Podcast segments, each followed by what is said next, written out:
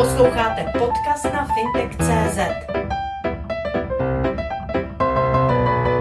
Pokud jde o rozvoj digitalizace, tak se vrátím eh, vlastně se zkušeností z covidu. A zkušenosti z covidu vlastně prokázaly to, co je teda notoricky už známé, ale ukázali to jakoby v plné nahotě. To znamená tu roztříštěnost státní zprávy, nejednotnost, rezortismus, tak to všechno vlastně přetrvává a viděli jsme to v praxi v těch problémech, které byly. Jak byly připraveny firmy na digitálně na zvládání krize?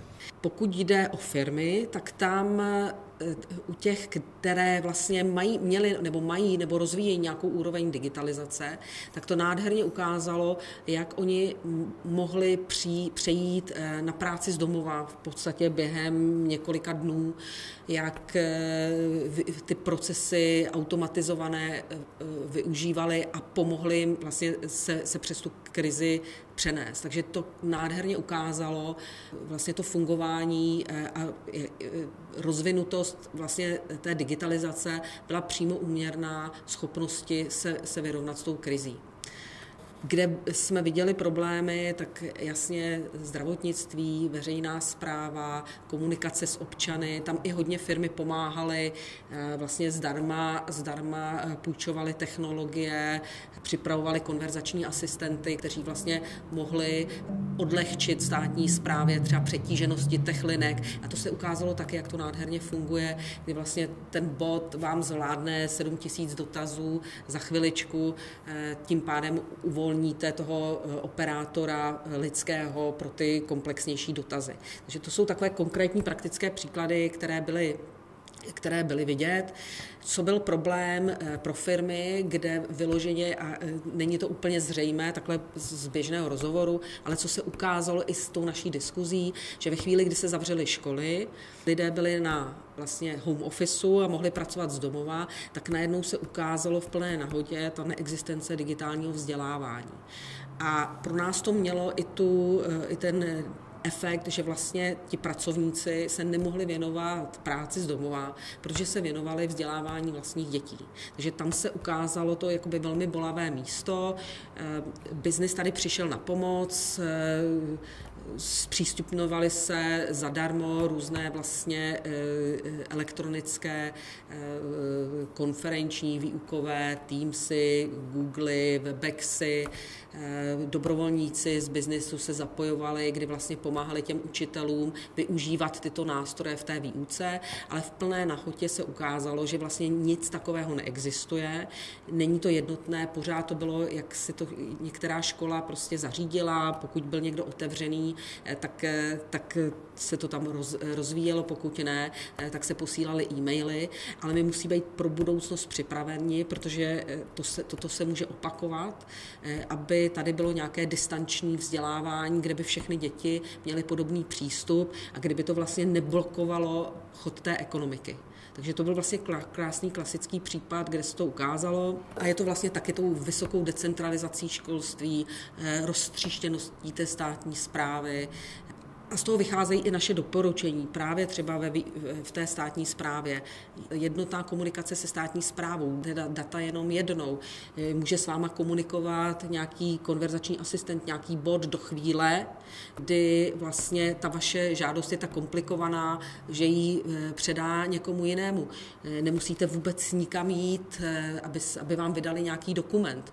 To všechno vlastně máme v těch našich doporučeních. K tomu musíte zvýšit výpočetní kapacitu, musíte mít nějakou právě rychlou infrastrukturu, bezpečnou, eh, musíme rozvíjet cloudové služby, kde vlastně si tu kapacitu výpočetní stavíte podle toho, jak to potřebujete v té konkrétní době. Nemusíte mít žádnou drahou infrastrukturu budovat vlastně v podniku nebo v budově té zprávy nebo toho úřadu, ale prostě si vlastně vyzobáváte to, co potřebujete. A tam potřebujeme eh, vysoké eh, zabezpečení, kybernetickou bezpečnost, protože digitalizace, automatizace, využití technologií není možné bez toho, aby jsme se cítili bezpečně.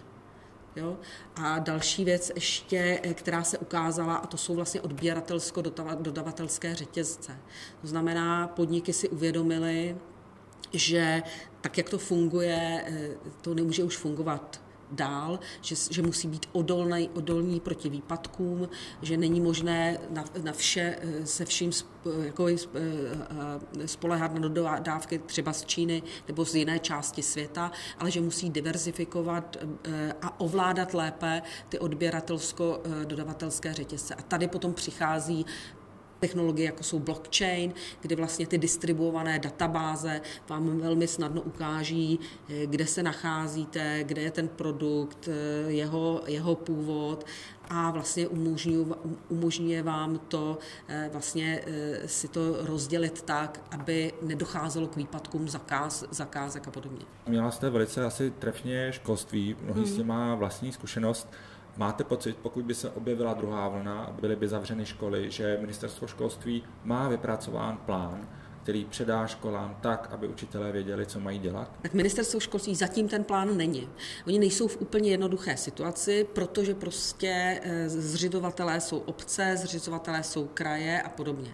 Nicméně eh, pracují na tom, ustavili pracovní skupinu a snaží se eh, udělat nějakou sérii doporučení a teď vlastně se pracuje na tom, jak to zabudovat do nějakého systému. Takže myslím, že jim to ukázalo tady vlastně ten velký, velký nedostatek, protože vždycky jsme, eh, a já jsem byla členkou té eh, pracovní skupiny pro strategii 2030, vždycky jsme tam jako akademicky debatovali o tom, že ta digitalizace je nutná, ale tady se to ukázalo v plné nahodě.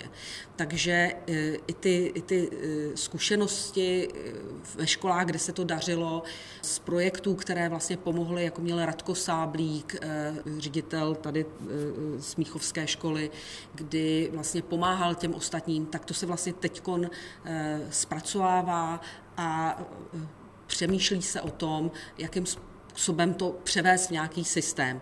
A tady třeba za svaz bude doporučení pro ten plán obnovy, který vyloženě přichází z Evropské unie, zmiňuje přesně e-learning a zavedení e-learningu a to by ministerstvo vlastně tady eh, nádherně mohlo využít a připravit se výborně nejen pro příští krizi, ale vždy už teď budete mít vlastně prolínání té digitální výuky s tou výukou prezenční.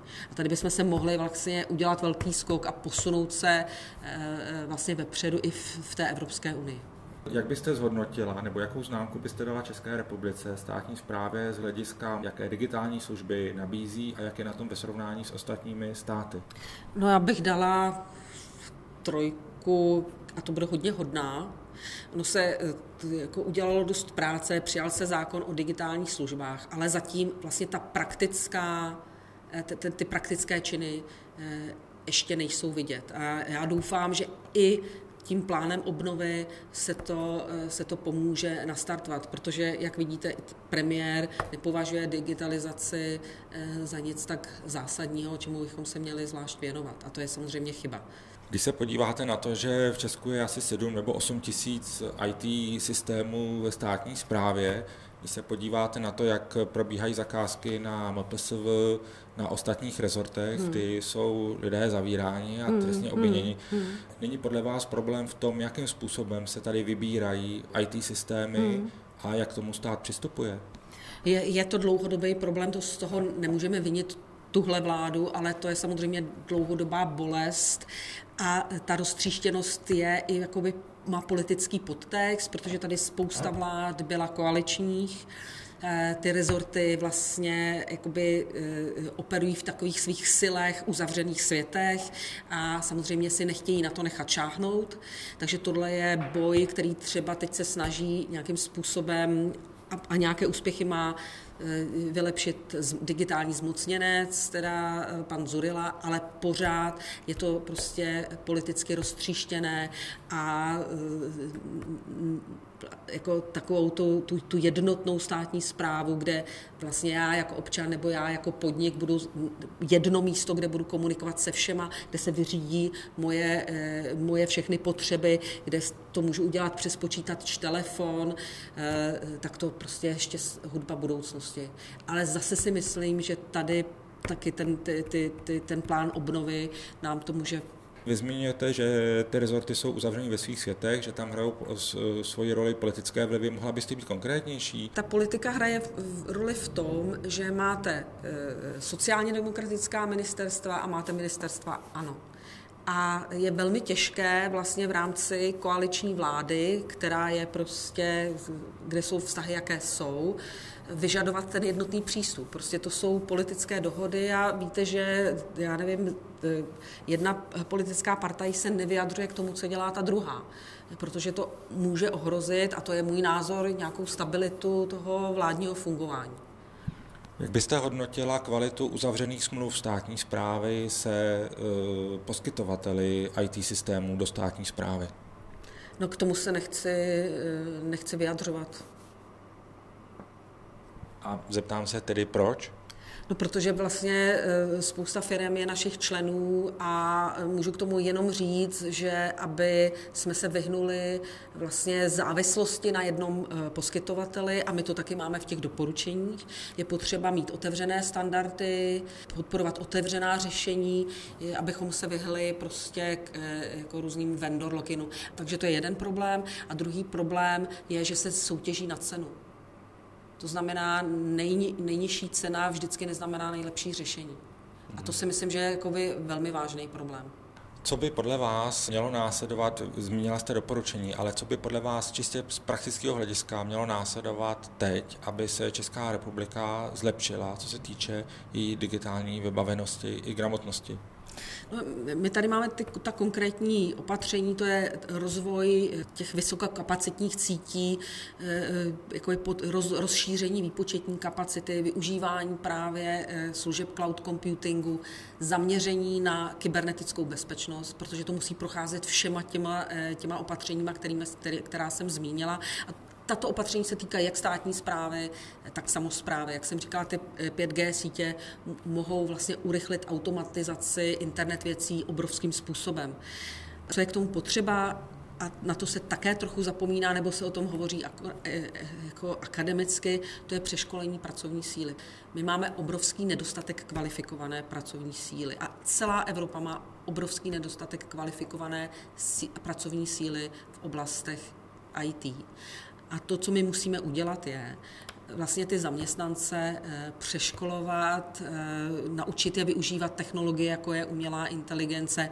Eh, a nejen to, my jsme vlastně museli vyškolit zaměstnance, aby uměli pracovat z domova, aby uměli využívat ty kolaborativní nástroje. To jsou všechno věci, vlastně, kterými musíte projít a na to, na to se musíte zaměřit podniky na to musí dávat své finanční prostředky, věnovat se tomu. Vláda by je k tomu měla motivovat, jinak vlastně ten přechod bez toho, že ty lidi nebudou umět ty nástroje využívat, nemá, eh, nemá smysl. A stejně tak školství by mělo připravovat děti na využívání těchto nástrojů, jejich rozvoj, jejich design, jejich prostě výstavbu. Zmínila jste 5G sítě, zrovna u tendru na poskytovatele 5G služeb mm. je mnoho jaksi problémů, ať už se to týká nastavení e, té veřejné zakázky, anebo i společnosti Huawei, která jaksi mm. je problematická. Mohla byste objasnit, co jsou hlavní problémy právě v příchodu 5G sítí? 5G sítě jsou, e, je to vlastně no, nová technologie, opředená eh, spousty, spousty mýtů, eh, jsou tam různá bezpečnostní, bezpečnostní obavy, bezpečnostní nejasnosti, spojená prostě s různými dezinformačními kampaněmi, tak to si myslím, že je velký problém. Sledujte fintech.cz